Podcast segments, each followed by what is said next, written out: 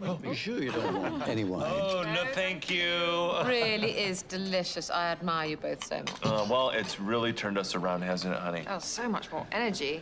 You know, in Finland, Is there a reason that you're not drinking? he's an alcoholic. Oh, fun. My parents are alcoholics. Oh, great. Hei, og velkommen til en ny episode av Filmsamtalen. Uh, det her er Gry Rustad, og i dag så er jeg så heldig å ha med meg en vikar for uh, Kai og Jon Inge, som dessverre ikke kunne være her i dag, for å ta tak i den utrolig store og vanskelige oppgaven, nemlig å kåre tiårets beste TV-serier.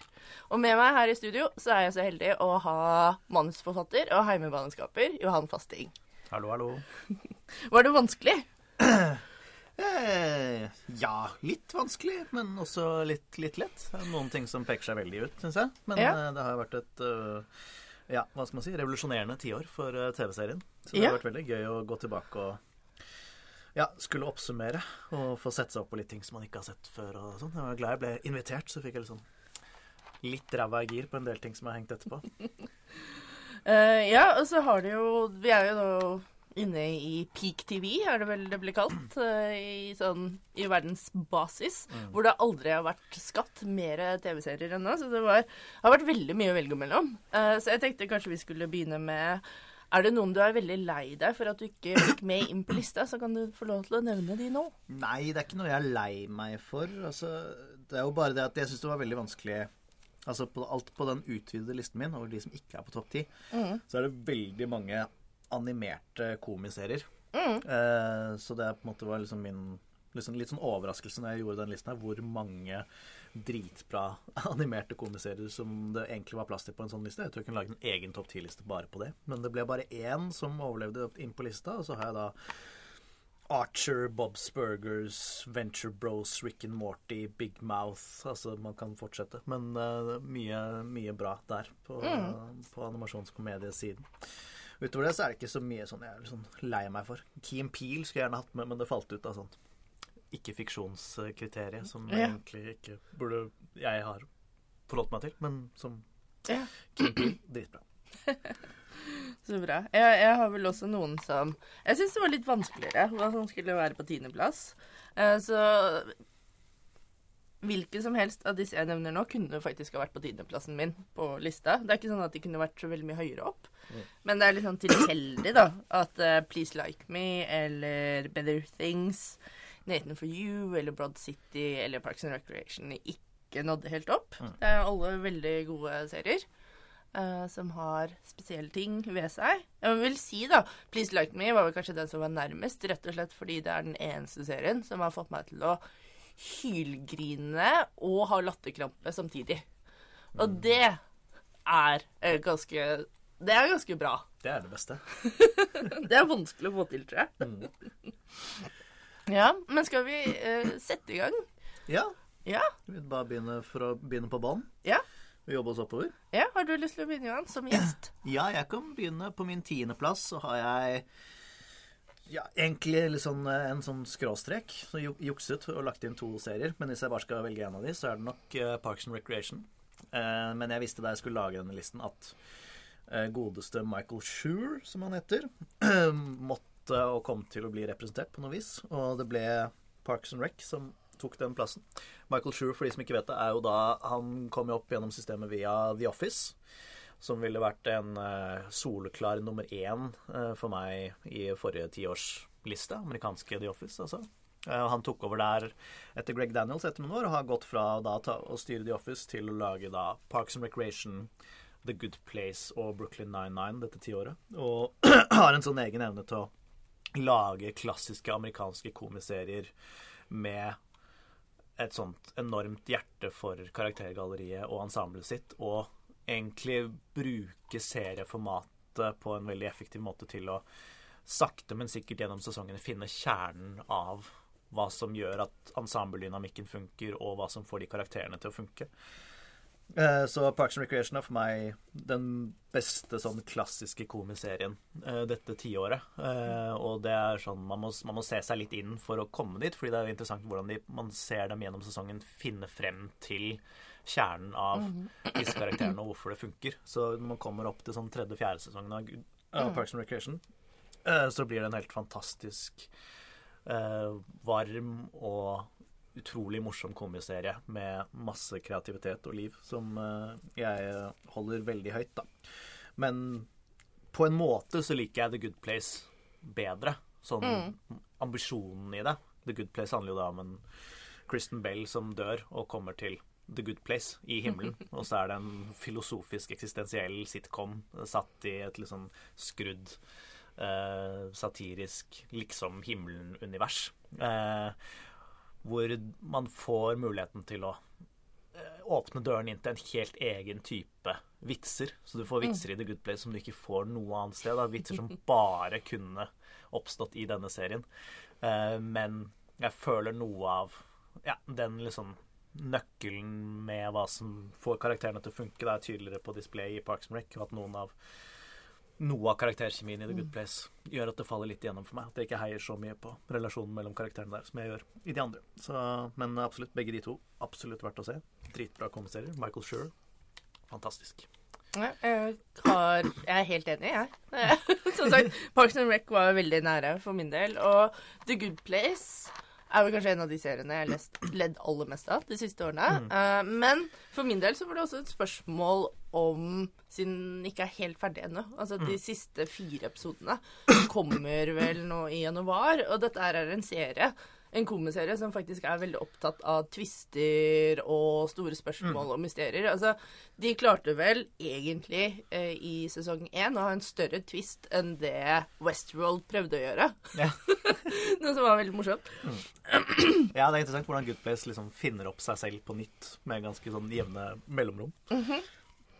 Eh, og det også gjør jo alltid at uh, serien fremstår som frisk og god. Altså, Parks and Rec er jeg helt enig i. Det er jo uh, tiårets beste sånn workplace-sitcom. Sånn standard nettverk-sitcom. Ja. Uh, utvilsomt. Eh, nå har jeg gått for en litt mørkere versjon av arbeidsplass-situasjonskomedien. Men det kommer vi til litt senere. På min tiendeplass så har jeg da Review Uh, med Forrest McNeil. Det her er en ekstremt oversett serie som gikk på Comedy Central. Uh, med, som er um, lagd av, og så er det vel uh, også Andrew Andy Daly som spiller hovedrollen. Han spiller da Forrest McNeil, som ikke anmelder f.eks. filmer eller TV-serier eller mat. Han anmelder selve livet. Eh, Så hver episode så får han en ny oppgave hvor han skal anmelde livet. da. Og det man skjønner etter hvert, er at Forrest McNeil er en veldig veldig spesiell fyr som går inn i denne oppgaven med hud og hår. Eh, Så eksempel når han får beskjed om å anmelde en skilsmisse, så skiller han seg fra kona. Eh, og denne serien blir bare mørkere og mørkere og mørkere jo lengre eh, du kommer ut i seriens tre sesonger.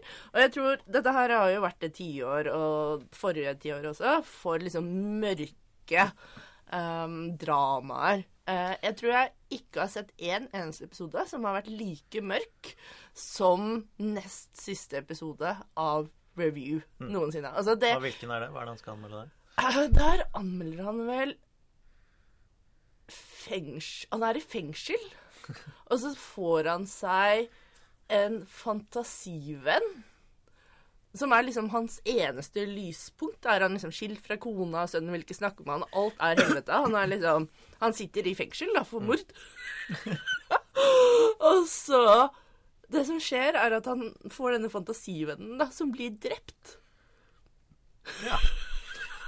Av en sånn nemesis han har i fengselet. Og det er så hjerteskjærende. og mørkt. Og det er helt utrolig at det går an å finne på noe så mørkt. Altså, det går jo en høy gang av det jeg har sett av Breaking Bad og alle disse andre Sons of Anarchy og alle de såkalt mørke dramaene. Dette her, det her var virkelig Det gikk dypt, dypt inn. Eh, så av den grunn så skal den Så syns jeg den fortjener en plass på lista. Og så er det altså en veldig sånn morsom vri. Altså Sammen med Nathan for you så var Review en sånn veldig morsom parodi på TV-sjangeren. ikke sant? Review er det da på TV-anmelderen.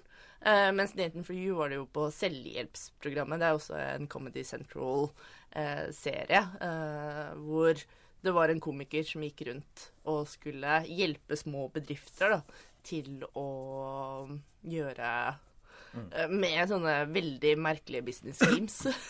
Ja, Nathan Few er helt fantastisk. Den burde egentlig ha klart å skvise inn her yeah. begge to, syns jeg. Men eh, Ja. det ble ikke sånn.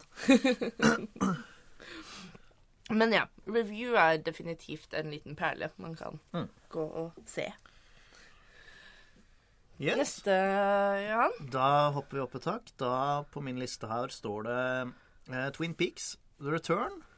Som jo er den ferskeste serien for min del på denne listen.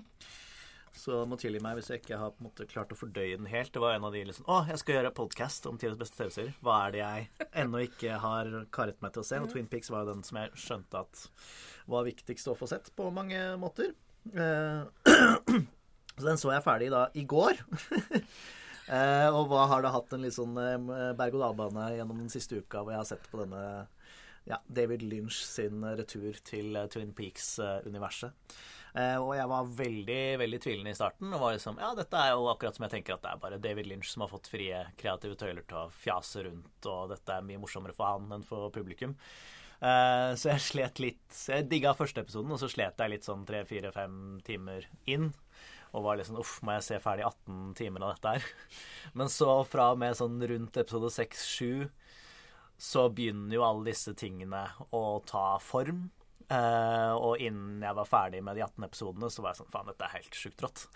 Eh, så det var en veldig positiv opplevelse. Jeg har ikke sånn nødvendigvis så fryktelig mye litt sånn interessant analyse å komme med, men det som overrasket meg, var jo hvor etter hvert, da når den får litt retning på sine, sin surrealisme, da, hvor tett man kommer på de karakterene, hvor egentlig ofte emosjonelt det er, og også overrasket over hvor morsomt det ofte er. da, den siste halvdelen av sesongen satt jeg og lo masse.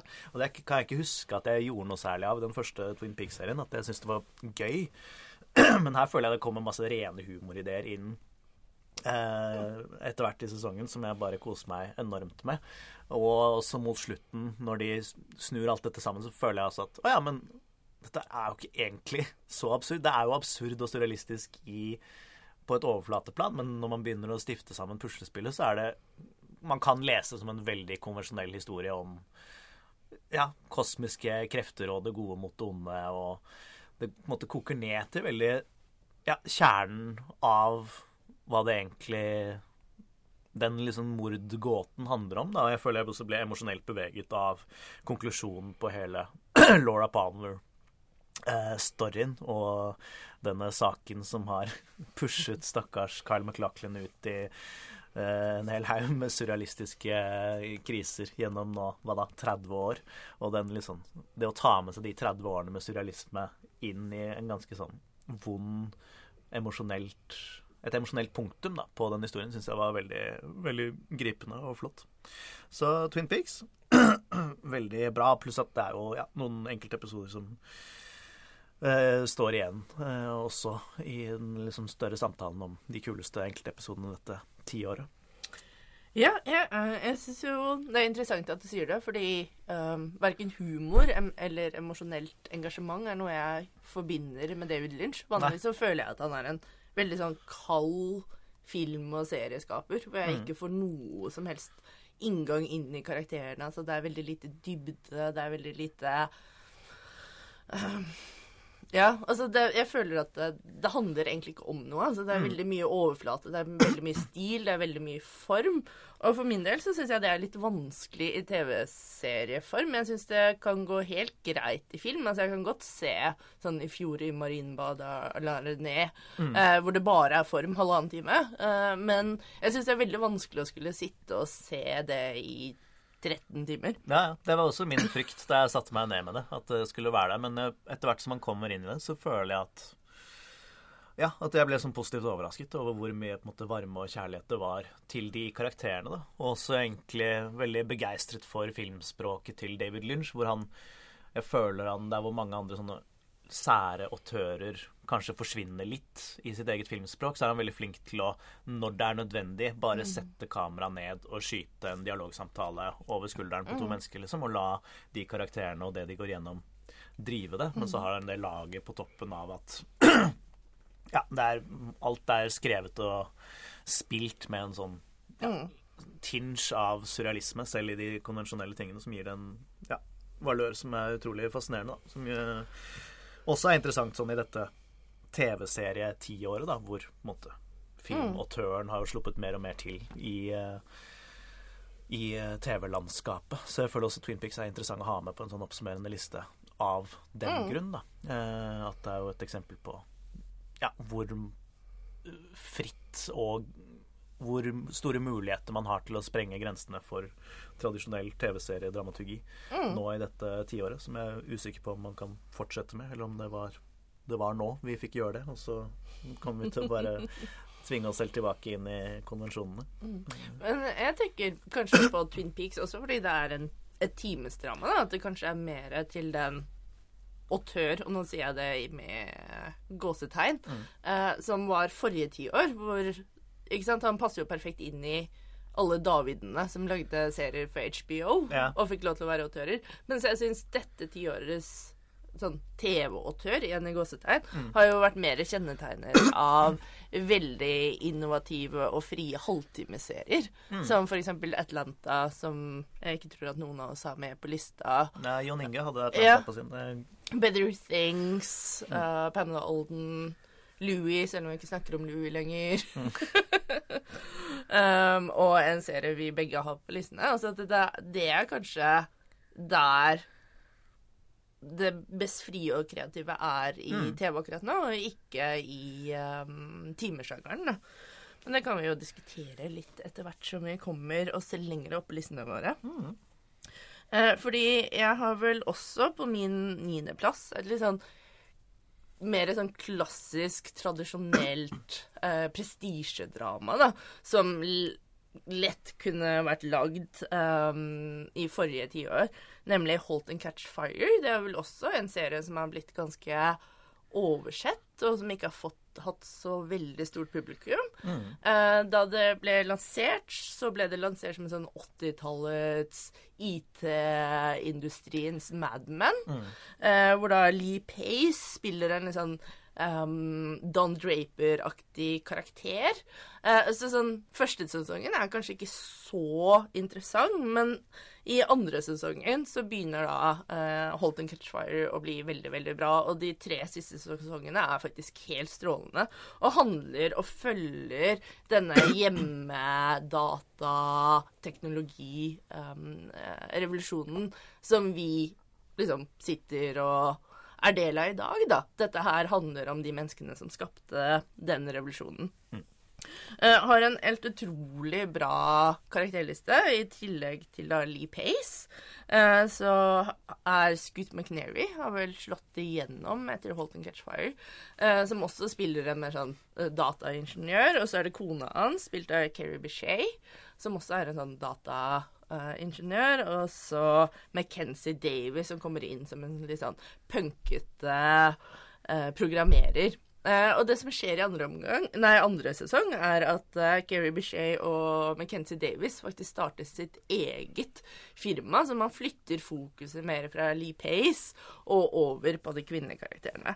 Men det som gjør Holton Catchfire Catch Fire så bra, er at det rett og slett er et utrolig velspilt, velskrevet, godt amerikansk prestisjedrama som eh, vel kanskje uh, de har blitt færre av, da, eller det har ikke vært så mange rendyrkede den type madmenneskete mad dramaserier.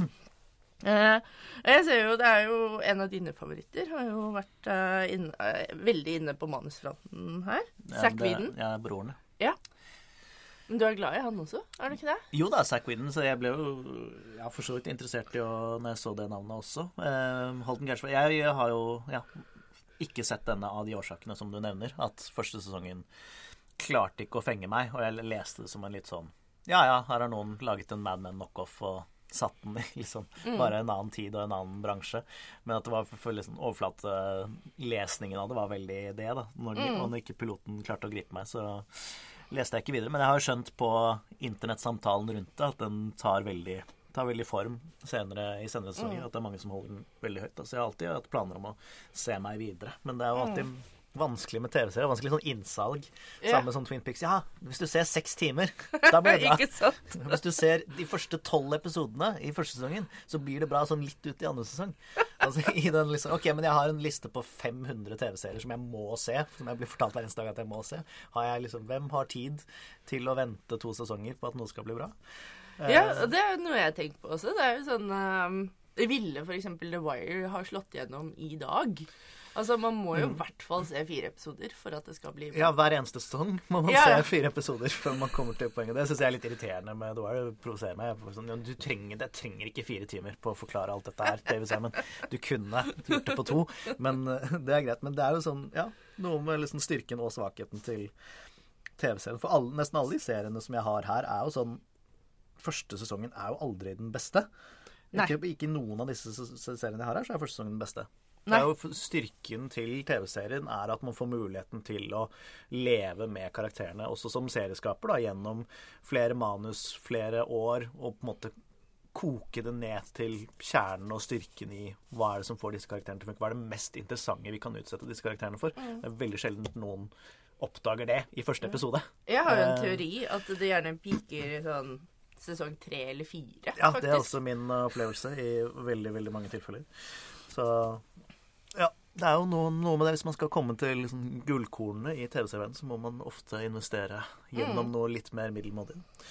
Man må uh, Men da blir jo også spørsmålet når det er så utrolig mye TV. Hvor lenge kan en serieskaper forvente at hvor, hvor mye tålmodighet skal man egentlig ha?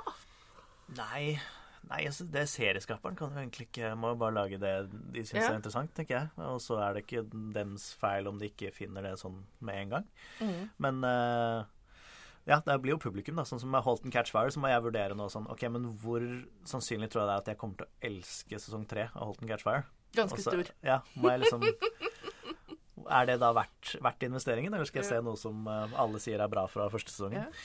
Og så har man jo Man kan jo faktisk Og det her er sånn jeg sier til folk sånn For eksempel første sesongen av Parks and Rec er jo ikke spesielt bra. Nei, Det er jo bare sant, det er et godt eksempel. på det, For det er en, da er det jo bare en knockoff av The Office, med yeah. samme formspråk og samme karaktergalleriet. Og så måtte skjønner de at det er kjedelig å lage en ny versjon av The Office, liksom, og så skrur de det til og får det til å funke. Men det jeg sier da, er du trenger faktisk ikke å se det. Nei. Les et recap. og det, det er jo fullt mulig å gjøre med de fleste av disse seriene her. Spesielt hvis første sesongen er veldig vanskelig å komme seg gjennom. Så er det faktisk mulig å bare se en recap på YouTube eller lese et eller annet, og så bare begynne på en gang. Ja. Det er lov.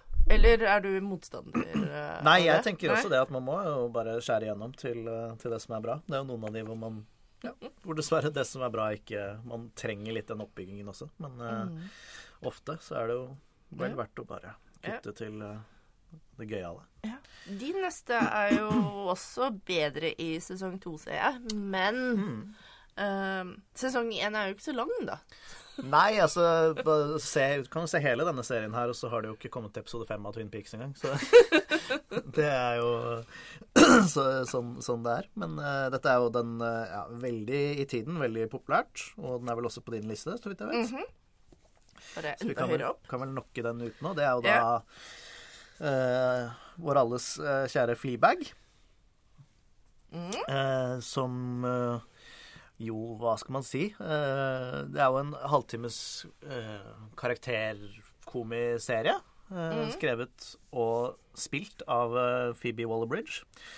Som jo har måtte, kommet inn og pustet litt sånn friskt liv i TV-serieverden, kan man si. For hun har også skrevet den første sesongen av Killing Eve, Mm. som eh, godt også kunne fått plass til i den samtalen her. Eh, og skriver nå James Bond og Ja. ja, er jo blitt eh, internetts favorittperson. Og vant jo alle prisene på Emmy og Så det er jo på en måte en Ikke så mye nytt å komme med i samtalen om hvorfor Fleabag er dritbra, men det er jo bare noe med stilen og tonen og talentet til Phoebe Waller-Bridge mye som ligger i de, de manusene, da, og den karakteren og hvordan den blir løftet frem gjennom måte, grunnleggende komiske situasjoner, men som har hele tiden et sånt veldig vondt eh, åpent sår av et bankende hjerte under overflaten hennes. Eh, og som drar henne og måtte, vennene og familien hennes gjennom flere situasjoner som er morsomme, men som samtidig går sånn, ganske sånn hardt eksistensielt til angrep på hvem hun er som person, og hvor mye hun egentlig hater seg selv. Og der hvor det jeg føler det gjør, eh, det gjør vondt å se på Fleabag, samtidig som jeg syns det er utrolig festlig og rasende gøy. Og spesielt ut i andre sesongen, da, så er det jo et grep hun gjør som jeg vil anse som årets TV-øyeblikk. Hvor eh, ja, Fleabag har jo denne, dette grepet som man har sett også i House of Cards, at hun måte har sin indre monolog ved å snakke til kamera. Eh, og i sesong to handler det om en kjærlighetsrelasjon hun får til en, The Hot Priest. The Hot Priest, ja. Eh, så la oss også snakke litt om hvorfor han er hot. Det er en interessant samtale. Men eh, hvor eh, da hun tar dette metagrepet om å snakke til kamera, og lar da denne karakteren som hun har forelsket seg i, bryte inn i det grepet og anerkjenne hennes brudd på den fjerde veggen, eh, som de gjør gjentatte ganger, men på en måte Ja, i Det er bare en sånn utrolig fascinerende og der hvor filmspråket og formen veves 100% organisk sammen med karakterenes reise og seriens plott. Det er på en måte som er enormt in intelligent og interessant, og ja, som jeg bare gir, gir meg veldig sånn uh, glede i det. For det er sånn alt man ønsker at filmfortelling skal være, er for meg oppsummert i det ene øyeblikket hvor han, mannen hun er forelsket i, på en måte klarer å bryte gjennom hennes fortelling om seg selv. Uh, og i det øyeblikket så skjønner vi også hvorfor hun elsker han, og hvorfor han er på en måte den viktigste personen i hennes liv akkurat nå. Og igjen, hvorfor er han hot? Ja. Eh, det er jo fordi det er fulgt en liksom samtale på Twitter om hvorfor The Hot Priest er så sykt hot. eh, som en del sånne kvinnelige Fleabag-fans på Twitter prøver å komme til bunns i. Og det de sier, det kan jo du spille inn på også, er jo det er fordi han ser henne, og han lytter til henne. Og på en måte det igjen er enormt hot. Men også da eksemplifisert på en helt fantastisk filmspråklig måte gjennom det ene øyeblikket hvor han oppdager hennes metafilmiske grep eh, og i sin egen historiefortelling. Altså, jeg tenker jo Det eksemplifiserer jo veldig tydelig forskjellen på det mannlige blikk og det kvinnelige blikk. Jeg tror Fleabag er kanskje det perfekte eksempelet på det kvinnelige blikk, som da ikke i betydningen Nå setter vi bare kamera på en hot mann. Men altså at man tillegger kamera den derre emosjonelle dimensjonen som du snakker om, som er så fantastisk. Og det er jo House of Cards Der er det bare en gimmick. Mens her har uh, dette formmessige grepet faktisk en betydning for karakteren og det emosjonelle i historien. Da, og det er kjempebra og kjempeinteressant. Og, og Fleabag er jo absolutt kanskje det fremste eksempelet på det, det den um, tendensen som vi snakket om uh, tidligere, med disse autørene. Altså, det er så tydelig at dette er Phoebe Waller-Bridges stemme. Det er hennes historie. Det er liksom Alt kommer fra hennes uh, hode. Um, så nei, eh, jeg har jo serien høyere opp lista. Eh, kan jo um, si hvor litt senere. Men uh, jeg syns det var helt strålende. Ja, og for øvrig også den uh, scenen med Kristin Scott Thomas også i andre sesongen. Også, Fantastisk. Og så må jeg si, altså, første sesongen likte jeg jo veldig, veldig godt. Eh, men eh, jeg hadde også litt sånn Jeg følte meg litt sånn distansert fra henne, faktisk. Fordi hun var så utrolig fuck up i den første sesongen. Men på grunn av andre sesongen så likte jeg første sesongen bedre. Fordi den kastet på en måte lys tilbake på første sesongen, som gjorde at jeg forsto den bedre. Ja. Og det er også utrolig bra å få til. Ehm, sånn som en helhetlig historie, da. Og det er veldig tydelig at Fleabag skulle være to sesonger. Mm. Eh, Den føles utrolig sånn fullendt som en historie. Ja, da skal vi over på min åttendeplass, da. ja. Her har jeg min uh, arbeidsplasskomedie. Den er litt annerledes. Det er vel kanskje den eh, Altså det omvendte speilbildet på Parks and Recreation, vil jeg si. Eh, det er jo også en serie som handler om politikk, med en kvinnelig politiker i hovedrollen, men eh, en litt sånn annen type tone, kan man kanskje si, nemlig Weep, eh, hvor Julia Louis Dreyfus spiller visepresidentkandidat. Eh, Selena Myers. Eh, det her er jo en serie som har blitt skrevet av Kan du hjelpe meg? Jeg klarer aldri å uttale navnet hans. Armando Janucci? Ja. Eh, som da eh, kommer fra sånn for eksempel Thick of It og In the Loop um, fra eh, England, og kom her da inn for å takle amerikansk politikk.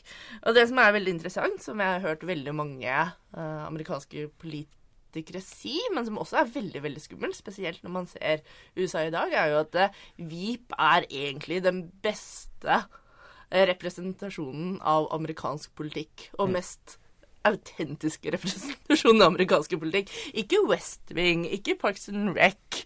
Nei da, Veep. Men Veep er jo da en utrolig morsom serie. Eh, Den har kanskje ikke sånn veldig mye hjerte, men altså De replikkene kommer jo som mitraljøser og bare slår deg ut. Altså Man må jo gjerne se en episode et par-tre ganger for å få med seg alle vitsene. Det er et fantastisk ensemble som er ledet av Julia Louis Dreyfus.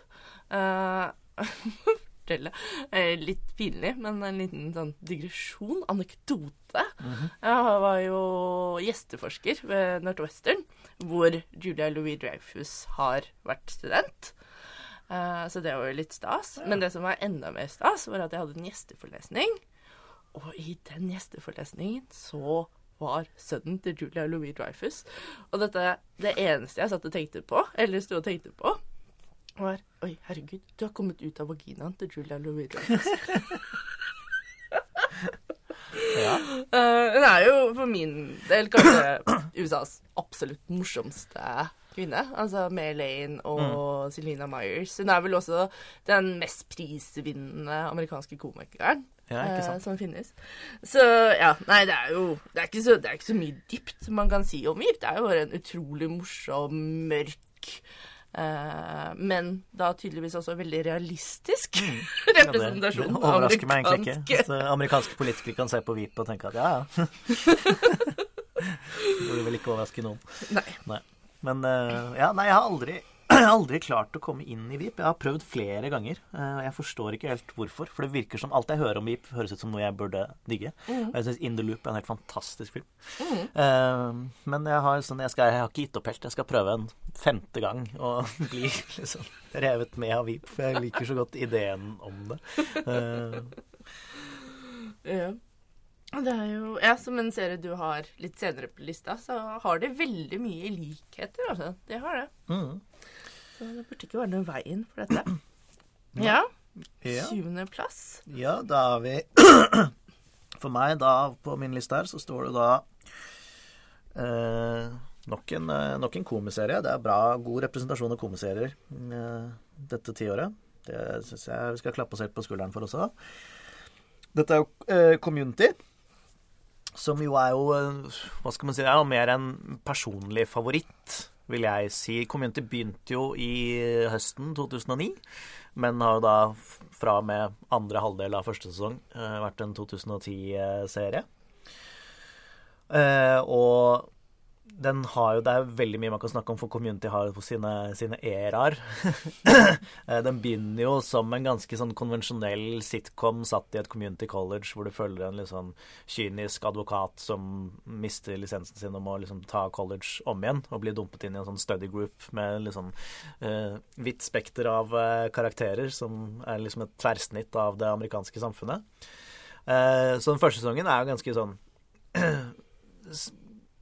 vittig og kvikk, spenstig komiserie. Som er hvor alle karakterene kommer veldig tydelig frem, og det er liksom høyt tempo og dritbra jokes på liksom løpende bånd. Og så, eh, når man kommer over sesong to og tre, så merker man jo at Dan Harmon, som lager denne serien, som også kunne vært representert på denne lista via Rick and Morty, hvis ikke de hadde så kjipe fans, eh, så hadde jeg sikkert liksom følt, følt meg liksom mer komfortabel med å alliere meg selv med alle som elsker Rick and Morty, for den er også helt fantastisk eh, i sin kreativitet, da. Og der i Rick and Morty så ser du Da forstår du, hvis du ser Rick and Morty, så forstår du mye av hvorfor community tok de retningene det tok, da, som betyr at du ser at Dan Harmon begynner å Han syns jo egentlig sitcomen er dritkjedelig. Eh, så etter hvert utover sesong to og sesong tre så begynner han å bare nesten å bruke enhver unnskyldning til å komme opp med konseptepisoder. Eh, sånn at hver episode er et eller annet sånt nytt kreativt innfall som de åpenbart har hatt i skriverommet. Og der, liksom, i sesong to og tre, så tar Løfte kommune seg opp fra å være en bra, veldig bra sitcom til å bli på en måte en komiserie for the ages, vil jeg si. Hvor de, alle de karakterenes kjerner og sårbarheter blir De går til angrep på dem via ganske interessante konseptepisoder. Eh, samtidig som de har på en måte relasjonslinjer som går, trekker seg sånn tradisjonelt gjennom eh, hele sesongene. Så der får man jo, begynner de med paintball-episoder, de gjør claymation-episoder og alt sånt. Så føler at hver uke man ser en community-episode, så er det en sånn frydefull følelse av ok, nå kommer de til å servere meg et eller annet som er bare for det første utrolig gøy, men også som har en sånn kreativ ambisjon som eh, er veldig, veldig oppløftende å se på. da. Men det fører også til at den blir litt sånn hit and miss. Så det er liksom en serie som kunne vært liksom egentlig hvor som helst på lista mi, men den er jo ikke feilfri. Men den, jo, den ville jo aldri nådd de høydene den når, hvis ikke den også innimellom bommer. Eh, som også jeg bare gjør at jeg egentlig liker den mye bedre. Jeg har jo noen sånne ting som nesten kom inn, som er egentlig feilfrie serier. Sånn Tsjernobyl kunne jeg hatt på lista mi, for jeg har, jeg har ingen konstruktiv kritikk å komme med av Tsjernobyl. For den er bare sånn flink i alle ledd. Men det er litt sånn, jeg mye heller har Community, da, som bare yeah. gønner på og ja, gjør feil og driter seg ut, men når det treffer, så treffer det som bare faen. Og så er det jo mye enklere å lage en miniserie enn en seks sesongers sitcom også, da. Ja, Vil ikke jeg sant? Med 22 episoder i sesongen. Og... Så ja, Community er helt fantastisk. Og så er det også en sesong av Community hvor Dan Harmon fikk sparken, hvor man også merker det. Og så kommer han tilbake igjen og prøver å yeah. Og så i det så er det også ganske mye fascinerende ting som skjer. Så det er jo en, en serie med sine svakheter, men uh, som jeg har levd med veldig lenge, da, og som jeg holder, holder veldig høyt sånn personlig. Eh, jeg tror at hvis Community hadde sluttet uh, samtidig som Dan Harmon fikk sparken, Mm. uh, så tror jeg den kunne vært på min liste også. Ja. Men uh, de to siste sesongene syns jeg var noe utrolig møl. Ja. Men jeg er jo helt enig med deg. Altså, de sesong fra sånn rundt to, tre, fire er jo helt fantastiske. Eh, og ja, spru- sprudler over av kreativitet. Det var jo også en sånn veldig sånn ehm, talent Altså, den åpnet opp for veldig mange nye talenter. Sånn Donald Glover og Alison Bree har jo virkelig slått igjennom. Altså, Donald Glover har jo gått over til å skrive om Atlanta. Det er veldig morsomt. Jeg nevner Atlanta veldig mange ganger, merker jeg. Uten at jeg egentlig liker serien spesielt godt selv. Ja. Nei, jeg digger Atlanta. Jeg har bare ikke fått sett den der eh, hunting season-sesongen ennå. Ellers så kunne jeg sikkert tatt en revurdering på den. Den burde vært på lista mi. Men Ja. Eh, For meg så er den jo rett og slett litt for maskulin. Ja. Altså, det er jo det motsatte av Fleabag. på mange måter. Ja. Eh, Så det er litt sånn personlig smak. Men uh, jeg ser absolutt uh, kvalitetene til Don Glover. Og Alison Brie er jo hovedpersonen i Glow. En annen veldig sånn god, artig komedie. Sånn Netflix-komedie. Skal vi se. Alison Brie har også en sentral rolle i en senere serie vi kommer til å snakke om. Ja, det er også sant. Eh, så var det da min uh, syvendeplass. Der har jeg Sundance-dramaet Rectify. Eh, det er skapt av Ray McKinnon, som vel for de fleste er mest kjent som uh, Skal vi se presten i Deadwood. Å ja. Det visste jeg ikke. Eh, og det her er en veldig rolig, veldig kontemplativ serie som fokuserer veldig mye på det jeg er veldig glad i. Liksom derre hverdagslivet, familierelasjoner Veldig lite amerikansk, egentlig. Altså, den går nok mer over mot det liksom, europeiske sosialrealistiske dramaet, da, som jeg er veldig glad i. Altså, den er mer kanskje som serie til felles med filmskapere som Koreda, f.eks. Eh, men den har jo et veldig interessant eh, prinsipp. Altså det som Det den handler om, er at eh, en mann eh, har blitt dømt for et veldig opprivende drap av sin kjæreste eh, da han var eh, Jeg tror han bare var 16 år. Eh, og så, etter 20 år, så har de liksom klart å få han fri, og han hjem, eh, vender tilbake til hjembyen. Eh, så det handler veldig mye om hvordan han klarer å etablere seg i verden 20 år etter, etter å ha sittet på death row i 20 år, og hvordan familien reagerer på å ha Daniel tilbake, og ikke minst denne lille byen, sørstatsbyen, hvordan de reagerer på å ha han tilbake. Og det blir det utrolig bra, nært, spennende familiedrama av. Uh, så det er rett og slett en veldig sånn subtil, stillegående, vakker serie som er liksom en tylles til liksom det det vil si å være menneske. Uh, høres kanskje, veldig, kanskje, litt kjedelig ut, men uh, det er utrolig bra. Uh, både skrevet, spilt Det er en veldig sånn fascinerende uh, ensemble. man blir veldig glad i familien til Daniel etter hvert, mm. og veldig opptatt av at det skal gå bra med Daniel til slutt. Og så har den faktisk litt denne krim plott også, fordi eh, mens vi følger Daniels reise tilbake til verden, eh, så har man også en etterforskning gående for å se hvem som faktisk drepte Hannah, da, Daniels kjæreste. Mm.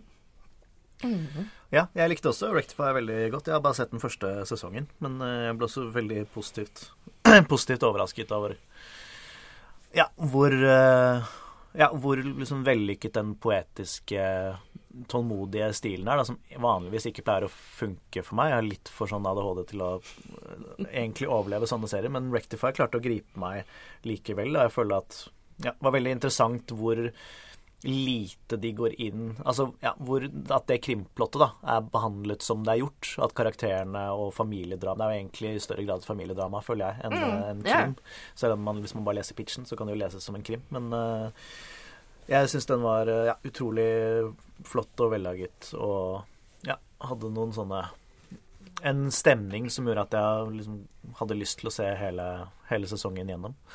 Mm. Så den anbefales. Absolutt. Så da er vi på din sjetteplass. Min sjetteplass, ja. ja. Eh, det er da, også min sjetteplass. Ja. Da kan vi jo slå to fluer i én smekk her, da. Ja. Eh, det er jo da The Americans. Som eh, er jo, hva skal man kalle det, en spion-thriller-familiedrama. Som har gått i fem? Seks? Fem? Var det seks sesonger? Jeg tror det var Seks? Fem? fem. jeg, ikke.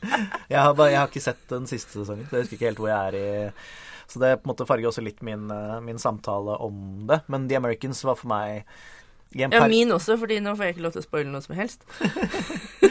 Nei, du må gjerne spoile for min del, men Seks eh, sesonger. ja, seks sesonger. Uh, men ja, for meg så var det jo en periode hvor jeg drev og lagde heimebane, så slet jeg veldig med å se på TV-serier uten å føle at jeg var på jobb, på en måte. Men The Americans var liksom den, den serien som klarte å, å fange meg likevel, da. Uh, som ble liksom min redning i de, de årene hvor jeg bare åh, endelig på en måte en serie som fanger meg, men som engasjerer meg både emosjonelt og intellektuelt. Og jeg synes at den er Det handler jo om et eh, ektepar av to eh, sovjetiske spioner som later som de er en amerikansk familie, mens de driver med spionvirksomhet i eh, USAs 80-tall.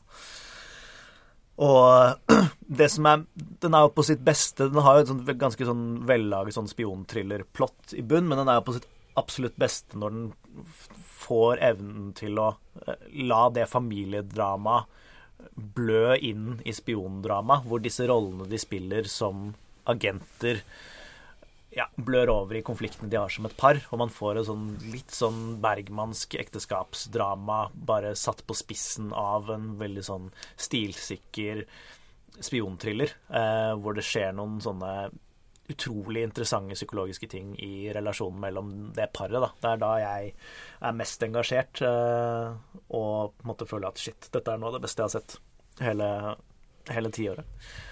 Eh, så ja, Americans, dritbra. Jeg er helt enig. Jeg har den jo også da på sjetteplass. Jeg vil også legge til at uh, i de senere sesongene så blir jo barna også mer, mer involvert. eh, som også setter dette prosjektet deres mye mer på spill. Altså Disse barna som de har oppdratt i USA som amerikanere, er jo amerikanske. Eh, som også fører til en veldig sånn stor familiekonflikt. Eh, og så kan man jo også nevne at de har jo nabo. Eh, Stan, som bor på den andre siden av veien. Ja. Som også blir en Som på en måte jakter på dette paret, som man ikke vet at er kompisene hans. Altså han og Matthew Rees karakter blir jo bestevenner. Eh, og som også skaper en sånn familiær dynamikk som er veldig sånn Skaper veldig mye suspens, da, vil jeg si. Eh, hva kommer til å skje når Stan finner ut, hvis han finner ut, når kommer han til å finne dette ut? Um, og egentlig ikke fordi man tenker å, dette her er en spenning fordi de er, han er FBI-agent, og de er spioner, men rett og slett på dette vennskapet og hva som kommer til å skje med vennskapet pga. denne løgnen. Det er jo der spenningen ligger.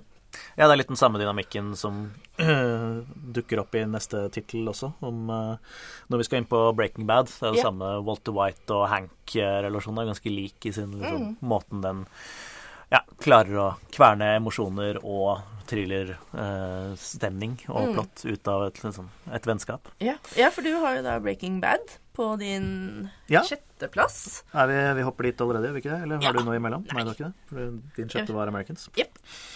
Eh, ja, Breaking Bad er jo Det er jo ikke så mye vits å snakke så mye mer om Breaking Bad. Jeg hadde den egentlig ikke med på listen min heller, Jeg, det, jeg følte ja, den er vi Vi er ferdige å snakke yeah. om Breaking Bad, er vi ikke det? Alle, alle har yeah. sett det, alle, alle er enige om at det har sine, sine kvaliteter. Men, Ikke eh, alle, da.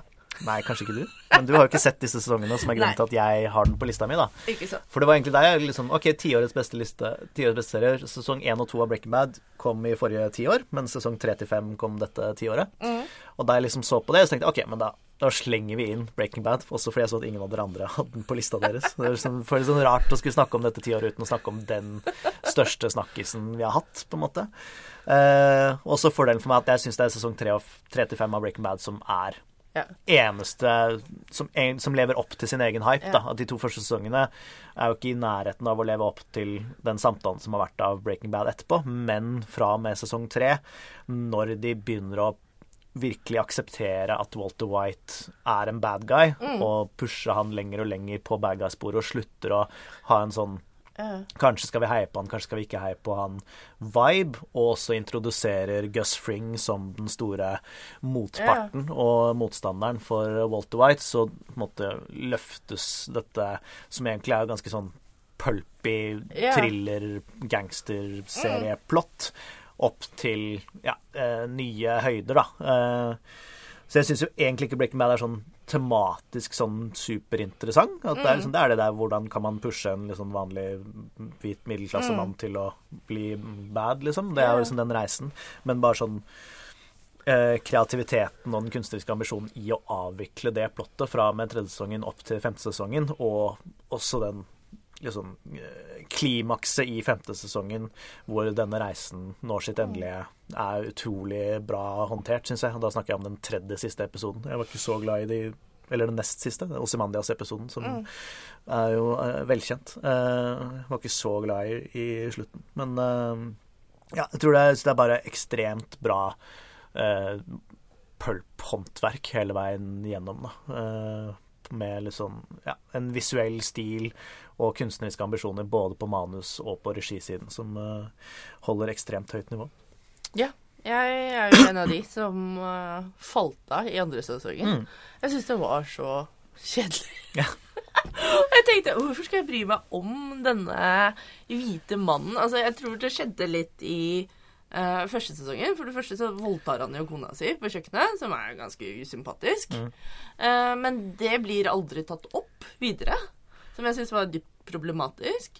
Uh, og så får han jo dette jobbtilbudet, som kunne reddet da liksom kona og sønnen. Ja. Men det er ikke spennende nok for han, så han sier nei. Ja. Og jeg tenkte på det, jeg leste en TV-kritiker, som, ja, Emily Wonderwarf, som sa at forskjellen mellom Breaking Bad og f.eks.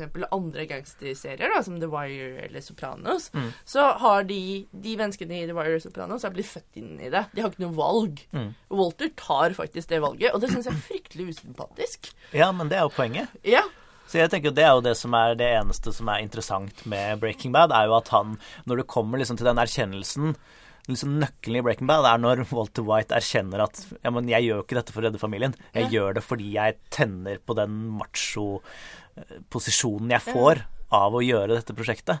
Og det, det er liksom Det som er interessant med den tredje, tredje til femte sesongen, at de som de kommer seg dit I første to sesongene så er det litt sånn wishy-washy hvordan skal vi forholde oss til dette. At vi skal liksom heie litt på at han kommer seg gjennom dette, fordi han har jo liksom en sympatisk, synlatende sympatisk motivasjon i bunnen, som handler om ja, jeg har kreft og jeg skal redde familien og det er synd på meg, liksom. Men det er jo derfor den blir interessant i sesong 35, hvor de bare tvinger Walter White til å innse at ja, men ærlig talt, Walter, Ja. dette du er lenge siden du har noe som helst med familien din å gjøre. Du gjør dette bare fordi ja, du liker bildet av deg selv ja. eh, som denne gangster-kingpinnen. Men er det ikke et problem med Breaking Bad at veldig mange som så Breaking Bad, ikke skjønte det poenget? Og når du snakket om at Rick og Morty, Rick and Morty har veldig giftige fans, Ja. så har vi Breaking Bad de aller giftigste fansene. Altså, her er det faktisk snakk om reelle drapstrusler eh, mot eh, Skyler White. Eh, Ja, ja. Og det er jo ganske ekstremt.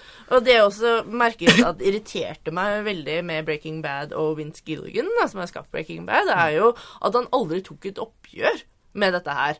Eh, Ja, men på han samme gjør jo det, da. Det vil jeg påstå. Altså, tror Syns du også du hadde, det? du hadde sett det hvis du hadde Jeg tror hvis du hadde sett det i sesongen, så hadde du følt at de yeah. Altså, men det er jo altså at, at det fins dumme folk som er interessert i å lese ting i verste måte. Yeah. Ikke plukke opp nyansen i hvordan det er fortalt. Det vil man jo alltid få. Da. Så jeg vil aldri legge det I hvert fall ikke når liksom, serien, historien, som jo er planlagt fra dag én til dag siste episode, at den skal den veien. Han visste jo hele veien at det er dit vi skal. Yeah. Uh, så jeg føler det kommer en veldig tydelig erkjennelse av at yeah. han uh, Ja, at det her er problematisk. Uh. Og at man etter hvert i sesong tre og fire så får Skyler uh, mer, mer plass. Og man får liksom Man får Mm. mer av hennes perspektiv i liksom den destruktive selvopptatte oppførselen til Walter. da, at det Mm. blir jo, Hun blir jo en motstander for han. Det er også derfor liksom de fansen som bare håper at Walter skal bli den kuleste kingpinen, blir sånn sinna på Skyler fordi hun står i veien for det. ja, ja. Uh, Men det jeg mener, er at jeg syns at faktisk Vince Gilligan har et ansvar, da. Å si ifra at vet du hva, dette leser dere faktisk feil. Dere oppfører dere som små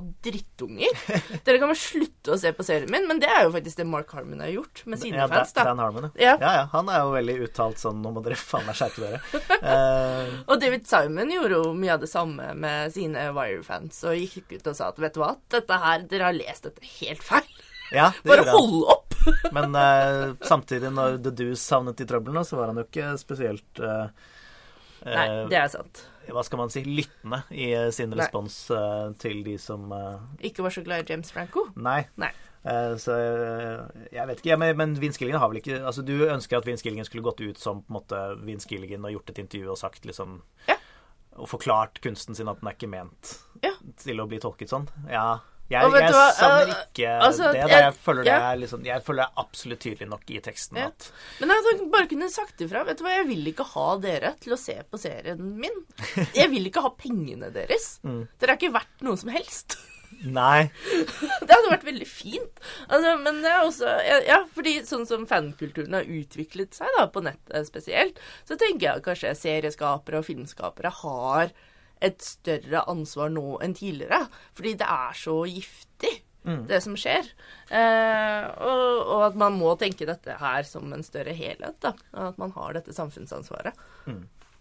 Syns Ja. jeg. Men Ja, det er sikkert eh, folk som er uenig i det. Ja, jeg syns også man skal være bevisst på det. Men jeg har ikke, jeg har ikke vært vitne til så mye av denne Breaking Bad-fansen, så jeg har ikke tenkt like mye over den. Den uh, Rick and Morty-fansen er litt sånn tydeligere tydeligere på Twitter, Sånn. Ja. Men uh... Ja, det var vel mer at eh, Breaking Bad-fansen sendte drapstrusler direkte til Ja. Skyler, da. Men Det, det er jo Jeg håper jo det er en liksom minoritet av folk som er litt uh, Ja, ikke helt forstår fiksjon, eh, og ikke nødvendigvis er helt uh, mentalt Ja. uh, ved full helse. men jeg tror det var ganske mange som satt og håpet at uh, Ja, men, Skyler skulle ja, dø. det er det jo, men det er Altså, jo liksom en ja. problemstilling i sånn som Scorsese-diskusjonen også, da, Wolf of Wall Street for eksempel, da. Mm.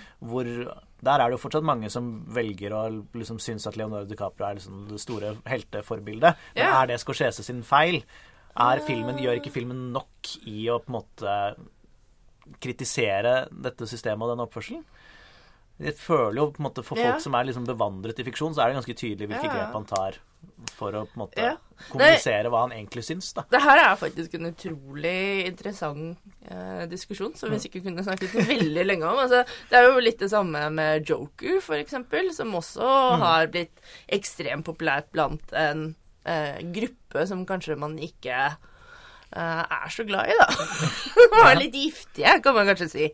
Um, og så blir det litt sånn Men hvorfor, la, hvorfor finner disse mennene de mennene så interessante? Altså, hva, hva er ansvaret der? Hvorfor skal man fortsette å lage disse historiene om disse giftige mennene igjen og igjen, sånn at disse kjipingene får forbilder, da? Altså, jeg sier jo ikke at man ikke skal lage det, det er ikke det jeg sier, men at man kanskje tenker litt over Hvorfor er dette viktig? Altså, At de stiller seg det spørsmålet du stiller deg hver eneste dag.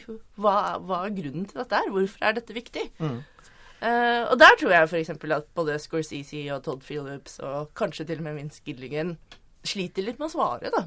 Ja, svare på hvorfor skal vi, hvorfor skal vi fortelle denne historien. Ja, hvorfor er dette viktig? Ja, Hvor det har blitt fortalt eh, 50 ganger ja Nei, men, altså men altså, 500 vil, ganger før.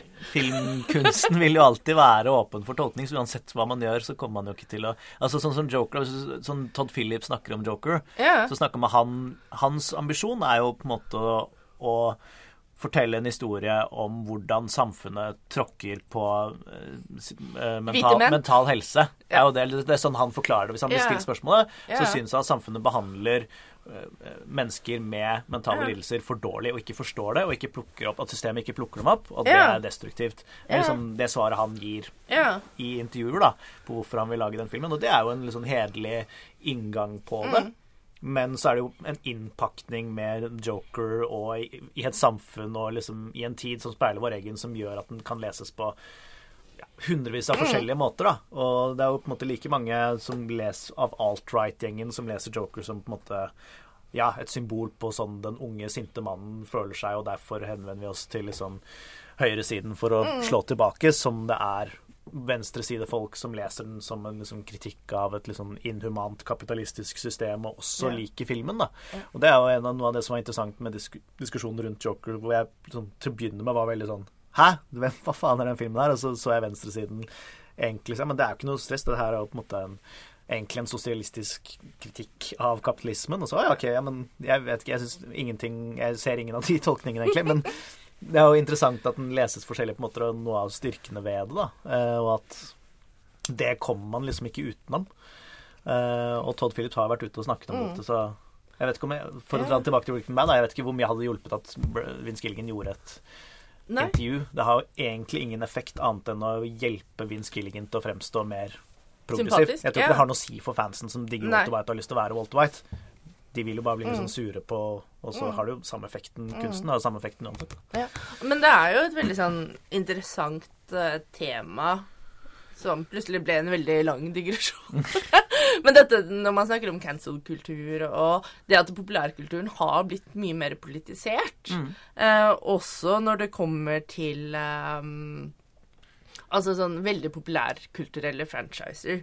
Altså, du ser det sånn i hvordan eh, de mest populære seriene blir tatt imot, hvor du kom, får dette snevet av politikk inn. Eh, men jeg syns jo det er litt sånn interessant opp mot min femteplass, da. Ja. Sånn hvorfor blir denne historien fortalt? Så er det veldig lett å svare på det med min femteplass, nemlig Tromay. Vil du høre mer om hva Gry og Johan mener om Tremor? Få med deg del to av oppsummeringen av tiårets beste serier i neste ukes Filmsamtalen. Pass past my step.